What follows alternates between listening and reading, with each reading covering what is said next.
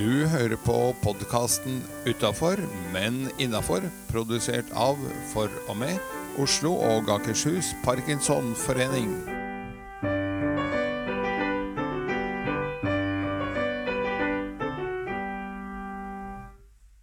Hei, jeg heter Seri Lind, og ved min smi side så har jeg smilende Edgar, Hei, Edgar. hei. Hvordan har du det i dag? Du, jeg har det ganske så bra. Kom eh, Har liksom måttet jobbe meg litt inn etter en ukes ferie på vinterland, Trysil. Så det er alltid litt sånn eh, brått på. Men eh, jeg er jo glad i rutiner òg, da, så det, det er litt sånn deilig å komme inn i rutinene, arbeidslivet og kjas og mas med, med, med, med disse her matpakkene som jeg egentlig hater, men som jeg har savnet innimellom når jeg er på ferie.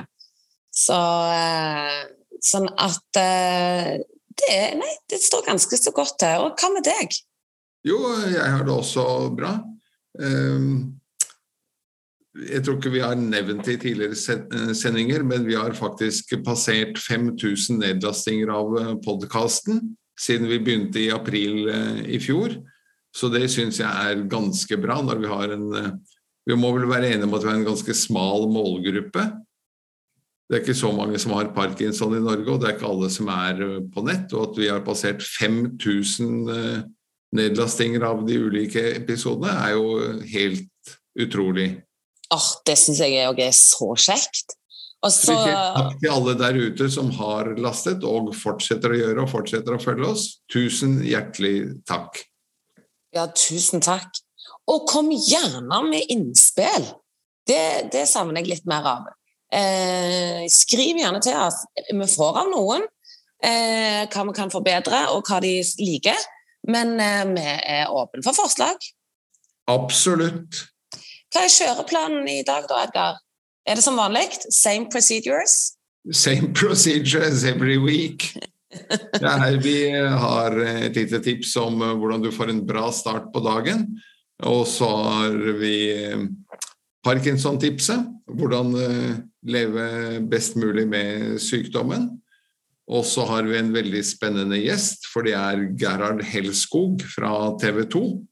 Han Det var litt blest om ham da han gikk eh, stort ut før jul og sa at eh, jeg har fått parkinson og må derfor slutte å jobbe, for nå fungerer det ikke lenger.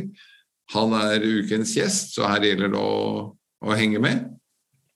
Og så har vi jo fremsnakk og eh, en vits som jeg håper er bra. Og til slutt en quiz. ja, jeg syns jo vitsen er bra. ja. Ja. Men eh, så bra, da. Men eh, hva er god start på dagen for deg, da, Edgar? Du, vi har jo snakket mye om eh, dette med å gå tur og ta med en venn eller kollega eller medpasient eller hva på, på gåtur. Og så tenkte jeg skulle foreslå en liten vri, og det er velge ut en bydel som er Kall det fremmed for deg, altså hvor du sjelden er. Og så går du gatelangs der og ser på gateskiltene, og, ser, og kanskje googler litt underveis hvem de forskjellige menneskene er. Det er jo mye personnavn på, på gatene. Altså Jeg selv bor i Roveruds gate. Det er ikke så mange som vet at Roverud var en musikklærer på begynnelsen av 1900-tallet, men det var han altså. Og Sånn kan man jo google, og, og så både lærer man litt nytt, og man ser noe nytt. Og samtidig så har man en hyggelig gåtur som er bra for uh, hverdagstrimmen. Ja, jeg, jeg er veldig glad i å gå i bydeler. Jeg er veldig glad i å gå rundt i by. Eh, sånn som jeg pleier å si, jeg liker meg best eh, i den naturen som Gud ikke har skapt. Så det er, min, det er mitt favorittområde. Og spesielt òg på kveldene. Det å bare kikke litt inn og få en liten sånn gløtt inn i andre menneskers liv. Og hvordan det ser ut, og hvem som er hjemme, og hvem som ikke er hjemme. Så jeg er helt enig med du. Ja, men så flott. Da er det ukens tips. Finn en bydel eh, der du ikke er kjent, og eh, ta en eh, god gåtur sammen med en god venn eller kollega, eller hva det måtte være. Kanskje rett og slett ektefellen din, partneren din, at uh, dere går en tur der dere ikke har vært før. Nydelig. Men Parkinson-tipset, da? Du, I dag har jeg lyst til å tipse om magnesium. Eh, vet du hva magnesium gjør for kroppen din, Eggar? Hvorfor det er viktig? Nei eh, Det hørtes ut som et quiz-spørsmål litt utenom quizen. ja, det var det det var. Nei, altså det er jo veldig bra Jeg vet ikke hva magnesium gjør konkret. Ja, altså det er jo bra for alle. Altså det er jo bra for uh, muskler og, og skjelettet vårt. Altså det er òg bra for tennene og for å opprettholde normal muskel- og nervefunksjon og for å lage energiproduksjon. Men det som har, det, nei, det er magnesium òg veldig godt, for dette er kramper. Og for noen er det mange som våkner opp med kramper på nettene eller urolige bein. Og veldig mange av de som da prøver seg på magnesium, som du får kjøpt på apoteket, syns det fungerer veldig bra. Så det gjelder ikke bare for en med parkinson, det gjelder for meg òg.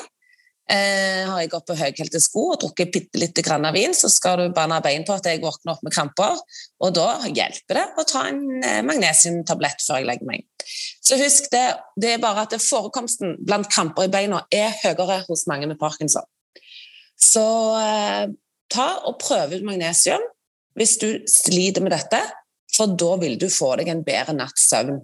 Hjelper det ikke, så er det bare å stoppe igjen. Men um bør man ta det forebyggende, liksom at man faktisk gjør det til en vane å ta en sånn magnesiumtablett? Uh... Ja, du kan gjøre det forebyggende, og det vil du få råd om hvordan du skal gjøre det. og Det står på pakken òg, så jeg hadde nok eh, eh, tatt det sånn eh, i en periode for å sett hva det hjelper mot. Og så kan det være en kan gjøre det bare eh, når, om en, Men det er jo vanskelig å vite om en får kramper eller ei, så en må nok gjøre det helst forebyggende. Ja, med mindre du vet har jeg gjort det og det, så kommer jeg til å få kramper i natt. Da er det jo greit å gjøre det den dagen. Ja. Men det var et uh, flott tips. Skal vi gå over på ukens gjest, da? Ja, det syns jeg vi skal. Hvem er det? Ja, det var det jeg sa i sted. Du må følge med. Gerhard Helskog fra TV 2. Det vil si Gerhard Helskog eks TV 2 straks, for han har gått ut og sagt at uh, at det ikke fungerer eh, så bra lenger. Etter at han eh, fikk Parkinson-diagnose, så er han ikke sitt gode, gamle jeg. Og da er det interessant å høre hva han opplever. Yes. Helt enig. Skal vi rett og slett uh, ringe opp, da? Ja, gjør det. Da gjør vi det.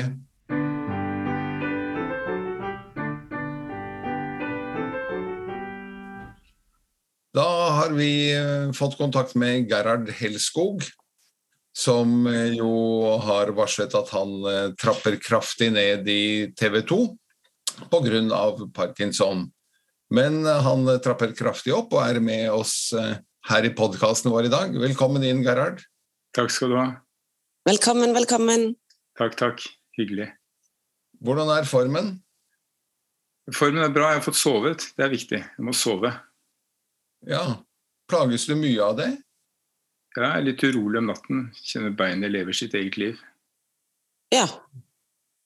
Det har du nok felles med flere. Kan ikke du si litt kort om um, når var det du fikk diagnosen? Og hva var det som utløste at uh, du gikk til en nevrolog og fikk den? Litt sånn uh, The Gerhard Story? Ja. Jeg fikk den for uh, tre år siden snart. Og det ble Jeg skjønte at noe var veldig galt på et stort møte i TV 2 hvor jeg jobber. Hvor jeg skulle opp på scenen og holde et foredrag. Og begynte å skjelve så veldig mye at jeg måtte sette meg ned og legge fra meg papiret. Um, jeg skjønte bare at noe var veldig veldig galt med kroppen. Mm. Og før det så har jeg selvfølgelig merket at jeg ble svakere. Sånn fatigue. Tålte ikke stress. Ja. Det er motsatt av hvordan jeg har uh, livnært meg. Jeg har livnært meg på å jobbe hurtig, under press. Så at jeg opplevde at noe var veldig galt. Når du plutselig ikke taklet stresset mer, som jo Ja. ja. Og så gikk du til nevrolog? Eller gikk du til fastlegen din eh, først, eller hvilken rekkefølge? Jeg gikk til kona først. Så, det, Så lurt. gjorde litt, gjorde litt egen research, ja. Og så skjønte vi at vi måtte til en bra nevrolog. Så det var, det var ikke noe Nevrologen var ikke veldig i tvil, da. Nei. Hva Sa, sa han noe om hva han så det på med en gang? Det var jo alt, altså. Stemmen Ja. det var forsvunnet. med Ansiktet stivnet nesten. Altså, jeg har en sånn maske, føler jeg, tidvis. Jeg må tø opp dette her. Utmattethet. Skjelven eh, i venstre hånd. Jeg kunne ikke lukte. Det er helt merkelig. Jeg lukter jo ikke Luktesansen er sterkt redusert. Da er vi to. Ja, det kan ha sine fordeler noen ganger. Ja. ja, absolutt. Det det. også det, samme, det var noe av det samme min nevrolog sa. Han sa hvordan er det med luktesansen? Og så sa jeg den er borte for mange år siden, for jeg har gått på sånn nesespray-greier for lenge. Og så sa han no, no, Nei. har ikke noe med nesespray å gjøre, sa han. Det er et av de første symptomene. Ja. Nei, det, var mye som, det er mye som har blitt annerledes. På relativt kort tid opplever jeg at det har gått fort. Men jeg skjønner jo at jeg har hatt dette lenge, egentlig. At det har utviklet seg over lang tid. Ja. Det er jo det du da har til felles med veldig mange av oss eh, andre. Fra du fikk eh, diagnosen eh, at nevrologen sa at da kan vi fastslå at eh, Hvor lang tid tok det før du delte med kolleger, venner, familie? Jeg har en omgangskrets som jeg er nær, og som jeg Jeg har vært åpen hele tiden. Jeg har ikke sett noen grunn til å ikke snakke om dette. Så det har jeg hatt bruk for. eh, Og det er tvert om at jeg, jeg tror veldig på åpenhet. Jeg tror eh, Skal jeg få informasjon, så må jeg gi informasjon. Jeg må dele, vi må, må ha samtaler. Og jeg var veldig opptatt av å høre hvordan andre hadde det, og hvordan de hadde taklet ting, og de hadde tips til, til noe som hjalp. Problemet, syns jeg, det største problemet ved det å ha parkinson, ved siden av all, eh, all ubeleiligheten som er ved selve sykdommen, det er at det ikke fins noen ordentlig kur. Ja. Så Hanne, kona mi og jeg vi bestemte oss for å finne en kur. Ja, Ja, så så bra! vi er vant til at hvis vi bare får tak i riktig informasjon, så løser det seg. Men uh, vi er ikke helt ved målet ennå. Nei. Men takk for at dere jobber med det. Ja, vi, vi har jobbet mye med det, faktisk. Vi har vært i kontakt med nevrologer i flere verdensdeler. Lest eh, en del, vil jeg si. Og det er jo det er jo akkurat det er jo litt irriterende. da. Den medisinen her er jo gammel. Det er jo ikke noe ordentlig nytt som har kommet. Det drives mye forskning. For meg virker det Det virker ikke så veldig koordinert, syns jeg.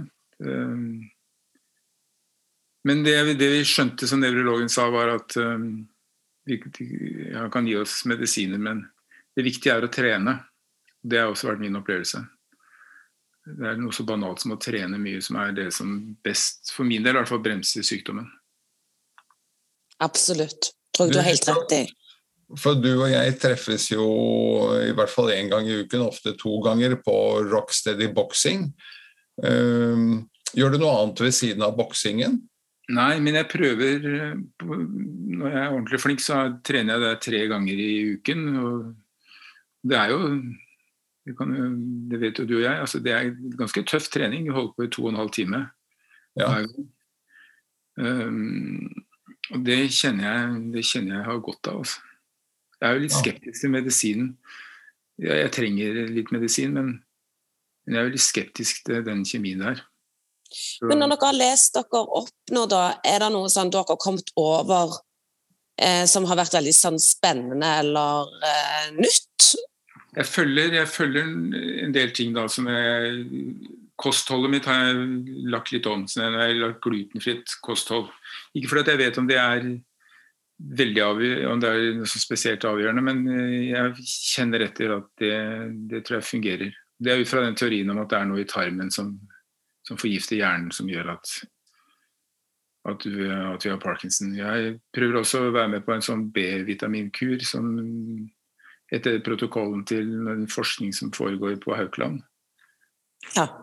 Som jeg gjør på, på eget initiativ. Jeg er ikke en del av prosjektet, jeg bare har lest lest protokollen og, og kopierer den. Mm. Um, D-vitaminer um, Ja, jeg har noen sånne faste ting som jeg holder på med. Er det noe du har funnet eller gjort mer av nå etter du har fått parkinson? Jeg går i kirken. Jeg er katolikk.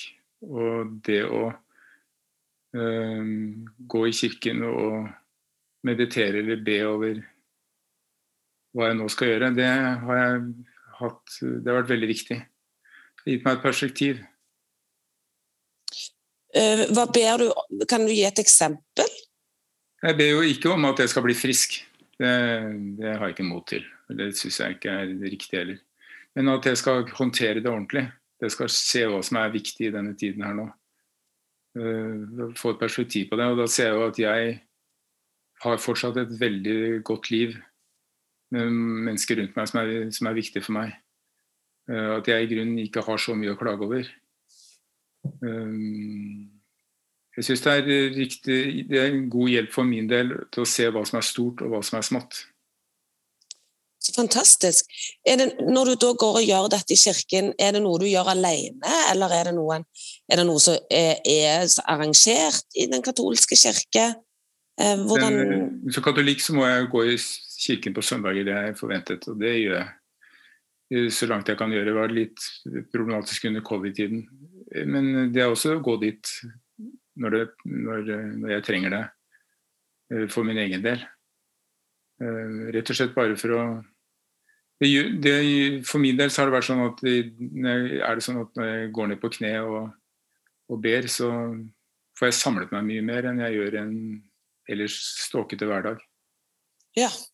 Blir det en form for en ritual? Absolutt. Ritual er veldig viktig. Jeg tror handling styrer tanke. altså Sett meg selv i en situasjon hvor, hvor, uh, er, hvor jeg konsentrerer meg om å prøve å tenke, på, tenke gjennom de store tingene. Og ofte ha en sånn indre taus dialog om hva som er viktig. Og hvor mye, hvor mye jeg har som jeg faktisk er veldig, veldig takknemlig for. Er det det som gjør at du da kaller det en meditativ handling, nettopp pga. denne indre dialogen, eller er det noe som skjer i tillegg til det å be? Ja, det skjer det er en, en, form for meditasjon, men, men bønn er også en, en samtale hvor, hvor uh, Jeg strammer opp meg selv litt, tenker jeg. Det, jeg har i hvert fall veldig lite nytte av å sutre mye over hvordan situasjonen er. Fordi jeg ser veldig tydelig da hvor heldig jeg også er. Eh, hvorfor eh, katolsk? Tror nettopp det er eh, Jeg har bruk for eh, ritualene. Og så er det noen teologisk ting som går eh, litt på siden av samtalen vår nå, men som handler om synet på, på personlig ansvar. Da. Akkurat. Uh, er du født uh, katolikk, holdt jeg på å si? Nei, jeg, jeg, har gått i kirken siden starten av 90-tallet, og så har jeg konvertert jeg i 2004. Akkurat. Interessant. Det tror jeg, det, faktisk altså I researchen over hva du skal gjøre når du har parkinson, så kommer det opp dette med uh, meditasjon, bønn. Vi er jo litt sånn blyge for å snakke om det i Norge, men dette er, eh, det har de ofte et mer naturlig språk for i USA. Og det der med Det er anbefalt av, eh, av, mange å gjøre det. Og for meg kom, var det allerede fra før jeg fikk diagnosen helt naturlig. Ja. Det var interessant, for uh, det er ikke fælt mange nordmenn som er uh, katolikker. Altså, det er mange katolikker i Norge etter hvert pga. innvandring fra forskjellige andre land, men Det er riktig, det er en innvandrerkirke. Det er også et rikt miljø. Fra, det er en verdenskirke, ikke sant. Ja.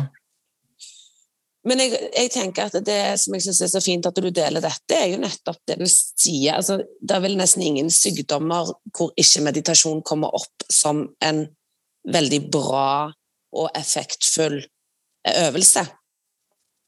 Jeg tror man skal være litt streng med seg selv også eh, når du får sykdommen. Det er, det, hvis du klarer, så er det om å gjøre ikke ved å gi seg over. Men uh, tenke litt etter hva, hva, som er det største og viktigste i livet. Og det er ofte ikke de tingene som du går deg over, det er det største og viktigste er det du har nært deg. Hvis du, har, hvis du er heldig å ha gode venner, kanskje også en god ektefelle, og, og hvilken velsignelse det er å ha barn. Um, du ser at det er det store. Det er veldig mye der ute. og det, Etter at jeg um, fortalte i offentligheten at jeg er syk, så har jeg fått mange hyggelige henvendelser fra folk som har svært varierende vil jeg si, tips til hvordan dette her kan løses. Jeg har fått en hel svær eske med frø. Oi. Entusiaster. Nei, det er, det er, det er mye det er, Folk prøver mye forskjellig. Og Jeg kan jo skjønne det også, for noen av den medisinen som vi blir tilbudt, har jo noen ganske stygge, faktisk, bivirkninger. Ja. Eh, det er jo noe av det som til, kan lede til spillegalskap. Ja, det er en av tingene. Er du grepet av det? Nei, men jeg har prøvd medisin og hoppet av den og bare droppet den. For jeg kjente at uh, det her, her, var noe som var i ferd med å bli veldig rart. Ja, mangel på impulskontrollen. Ja. Dere har ikke vært borti dette her med kanel og gurkemeie og det som en sier i forhold til at det kan være bra for parkinson? Nei, det er akkurat det har jeg ikke prøvd, da. Nei. Men, eh, men faste f.eks. har jeg tro på. Det der med å sette kroppen i en tilstand hvor den populært sagt uh, forbrenner døde celler og får i den fornyelsesprosessen. Det, så faste her prøver jeg å gjøre med sånn litt ujevne mellomrom. Det er veldig bra. Når du fikk diagnosen, hvordan har det vært for deg psykisk å takle det å få en diagnose? Hvordan Hva er det som gjør at du Du var jo åpen om det fort, men det er andre ting du gjør eller tenker som eh, gjør at du lever med den bedre enn andre kan klare? Jeg tror jeg har akseptert den fra første stund. Jeg har akseptert at jeg er syk. Hvordan klarte du å akseptere det? Nei, hvem, hvem, er jeg som skulle slippe unna av å bli syk eller få en plage? Rundt meg så er det mennesker som får kreft. Som blir rammet av de rareste ting. Også, alle skal vi få noe, og dette var det jeg skulle ha da. Jeg syns i grunnen jeg syns i grunnen at jeg har vært uh, overmåte heldig og hatt det så bra gjennom livet at hvis jeg skal gå på en smell, så kan jeg ikke bli overrasket over det. Utrolig fin måte å tenke om det på. Ja, jeg tenkte også det. Og... Jeg, jeg, tenker jeg er veldig takknemlig, for nå kan jeg ikke jobbe lenger. Det er bare sånn det er. Men jeg har i, min verden så tenker jeg at jeg liksom har hatt tre yrkesliv. Jeg har fått prøve de helt mest fantastiske ting. Så det at um, jeg verken kan jobbe i radio, avis, TV som jeg har gjort før, det, det er ålreit. Det har jeg drevet med. Nå må jeg bruke tiden på å ta vare på helsa, ta vare på familien. Det korrigerer jo litt målestokken og hva som er viktig. Jeg har alltid visst at familien min har vært viktig. Jeg har alltid vært, brukt tid på familien, for å si det. Men det Nå må jeg prioritere litt annerledes. annerledes. Jeg ser hvor viktig det nære er. For det, for det bekreftet. Ja. Eh, har du sluttet fullstendig i TV 2? Du sa at du kan ikke jobbe i radio og jeg er i en sånn prosess med uførhet. Ja. Så, jeg er, så jeg er jo ansatt i TV 2, men jeg gjør jo ingenting. TV 2 har vært uendelig tålmodige og, og lagt til rette, men, men uh... Jeg tenkte du kunne jo du kunne jo for den saks skyld laget din egen, din egen podkast. ja. Jeg har ikke noe glede av deadline lenger. Ting jeg må ha ferdig. Nei. Det Er en befrielse, eller er det Ja, jo, jo det er et godt ord på det. Ja. Jeg kan tenke meg det å leve under den deadline-presset hele veien kan være stress. Ja, og jeg likte det. Så jeg Ja. likte det veldig godt. Jeg likte adrenalin jeg hadde rett før vi skulle på lufta. Mm. Nå klikka jeg meg litt for tidlig inn på denne podkasten her, for jeg vil ha god tid. De rette knappene. Så det er andre tider. Ja. Men så bra at det kan være en god, positiv endring, da. Ja. Jeg syns dette livet er interessant, da. Skjer Ja. ting. Men du savner ikke dette veldig? Nei, jeg er mer overrasket over at identiteten min er egentlig i veldig liten grad knyttet til journalistikk. Jeg er vokst opp med journalistikk. Faren min var journalist. Jeg begynte det på mørkerommet i lokalavisen da jeg var konfirmant. Eh, Så jeg har hatt et langt liv i journalistikken. Jobbet med avis, radio og TV. Fått reist, møtt masse, masse mennesker. eh, Og den tiden er over, og det er ingen problem med. Jeg er ikke blitt deprimert. Jeg jeg har stor respekt for folk som har opplevd depresjon. Jeg forstår hvor vondt det er. Jeg har ikke hatt det sånn. Jeg er lei meg over det som har skjedd. Det er ubeleilig. og føler meg fomlete og rar når jeg spiser og ting detter av gaffelen og sånt. Men det er jo ikke, det, det er liksom ikke verdens største problem. Og da detter av gaffelen. Jeg tror et nøkkelord du sier der, er jo at det, noe av depresjonen er, handler jo nettopp om det at hvis veldig stor del av eh, yrkeslivet ditt er din identitet, Mm. så blir det jo veldig stort når det forsvinner ut av livet sitt. Så det tror jeg du har helt rett i, Gerhard. Ja, jeg er glad for at jeg at jeg, at jeg ikke tror at det eneste jeg er her i livet, er journalist. Jeg er ektemann, jeg er far, jeg er venn. Eh, Akkurat nå så er det mest fascinerende miljøet jeg har oppdaget som, som er en gave av eh, faktisk, det er dette rock steady treningsopplegget. Hvor jeg syns at vi er bare en helt sånn bra gjeng da, av eh, Ja, for det er det jo. Ja, det er veldig, veldig ålreit. Og, og folk er jo på forskjellige stadier i sykdommen, og sykdommen er jo så variert også hvordan den angriper hver enkelt av oss. Så vi er på forskjellige nivåer, men det er sånn fin en fin, fin tone i den gjengen. Jeg, jeg, jeg har veldig glede av å komme dit og se igjen den gjengen et par ganger i uka. Ja. Har du opplevd noe negativt i samfunnet rundt deg ved å ha fått diagnosen? For, men, hvis du tenker reaksjoner fra mennesker rundt, så er det bare udelt positivt. Veldig, altså. Folk er veldig omsorgsfulle og hjelpsomme. Det er kamerater som kommer og hjelper til uh, uoppfordret. Tar med meg med ut og det, Nei, det, det har bare vært uh, veldig fine reaksjoner. ja.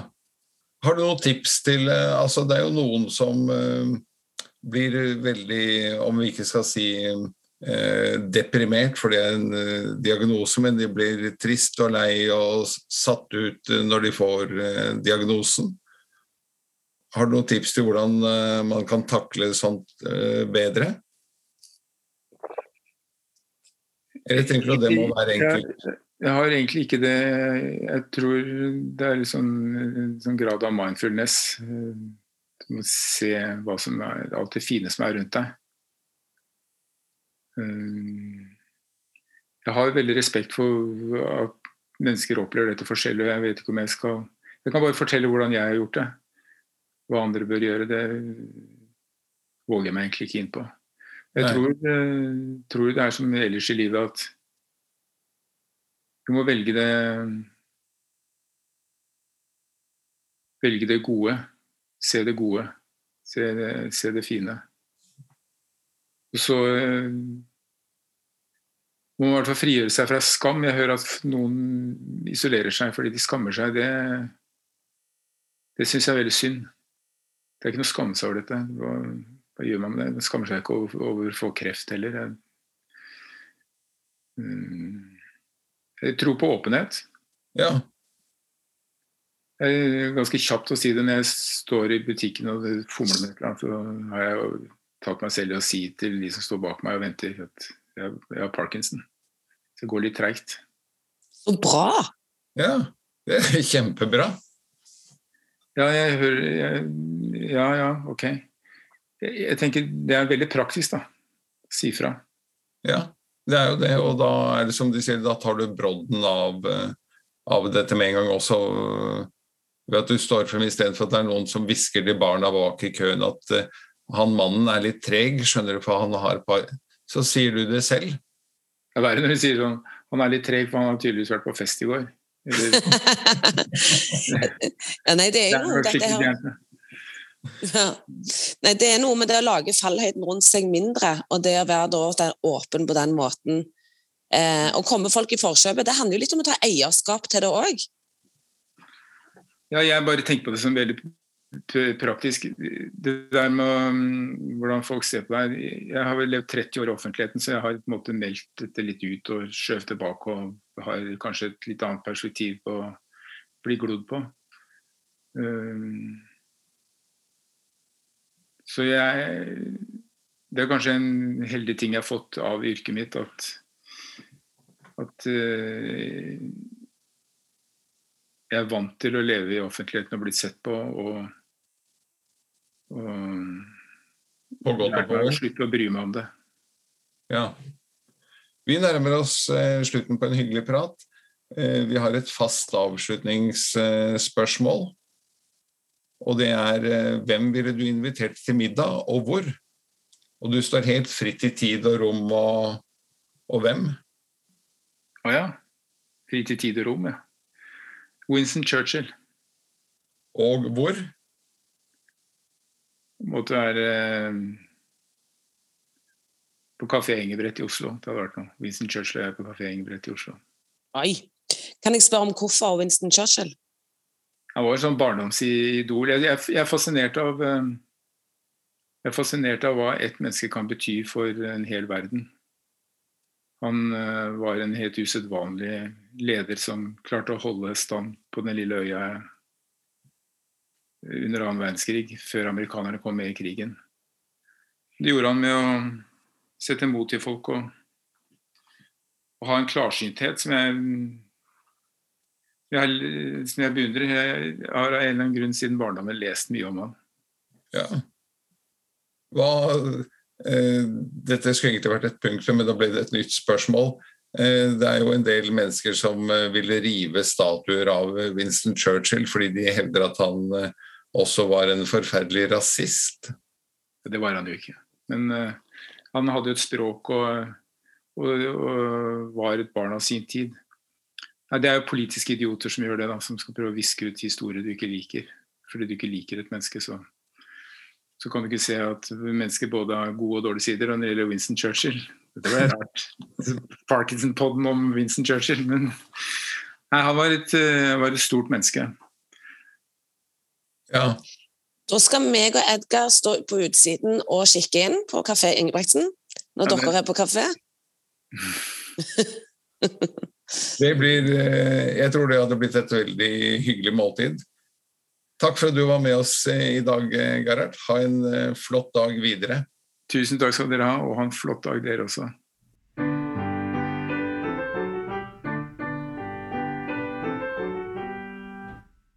Da har vi kommet til spalten Fremsnakk. Og hvem er det du vil fremsnakke denne uken, Serilin? Du, denne uken Vi kommer vel ikke unna at nå er det krig i, ikke i verden, men en del av verden som jeg syns er helt forferdelig å se på og ta inn informasjon om. Og det jeg har lagt merke til, er jo at det finnes masse organisasjoner som gjør mye bra nå nede i Ukraina. Og det gjelder Røde Kors og Flyktninghjelpen osv. Og jeg har prøvd å google meg fram til hva vi kan gjøre. Kan jeg gjøre noe utenom å sende penger? Og da har jeg kommet fram til flere stiftelser. Jeg gikk bare inn og googla 'leverer klær til Ukraina', og da kommer det opp innsamlinger, Open Heart, Stiftelsen KPK Ukraina, klesinnsamling THK-stiftelsen. En kan da google 'levere klær til Ukraina'. Så jeg vil fremsnakke disse stiftelsene, som nå kjører ned med trailere eh, og leverer klær og eh, leker. Så hvis du kan gjøre deg sjøl rett og slett en tjeneste ved å rydde i skapet ditt og eh, finne fram boksershortser eh, eller sokker du ikke bruker lenger, eller at du ikke har begynt å bruke, varme jakker, så kan du kjøre ned og levere det til forskjellige stiftelser, og så kjører de det til Ukraina. Og Det tenker jeg er en enkel måte for oss å bidra på, for vi har en del klær vi ikke bruker. Og i tillegg så får vi gjort noe for egen stue. Det kan vi faktisk klare å gjøre. Så jeg fremsnakker alle disse stiftelsene som eh, gjør jobben for oss. Fabelaktig, for dette her er viktig. Og bare det å, å da gå fra at ja, jeg burde vel jeg også, kanskje jeg skal se på eh, i morgen. Bare det å gå fra i morgen til eh, Nei, jeg tror jeg faktisk går og gjør det nå, er jo et fantastisk skritt fremover for veldig veldig mange. Og som du sier, det koster jo ingenting. Og dessuten får du bedre plass i eget klesskap. Ja. Sånn at, eh, ja, det tenker jeg òg. Fantastisk. Og det er leker og kjøkkenutstyr og vedovner og sengeklær og håndklær og tepper. Så noe har vi. Eh, og gå inn sjøl og google, sånn at du ser hvor du i liksom, kortest mulig kan få det levert. Og jeg er sikker på at har du en del, og du ikke har bil eller du ikke kommer deg ut, så jeg er sikker på at noen kan komme hjem og hente det, eller du kan få hjelp av venner til å få levert det. Venner, eh, naboen? Ja, det tror jeg nok. Og få de med på, på jobben.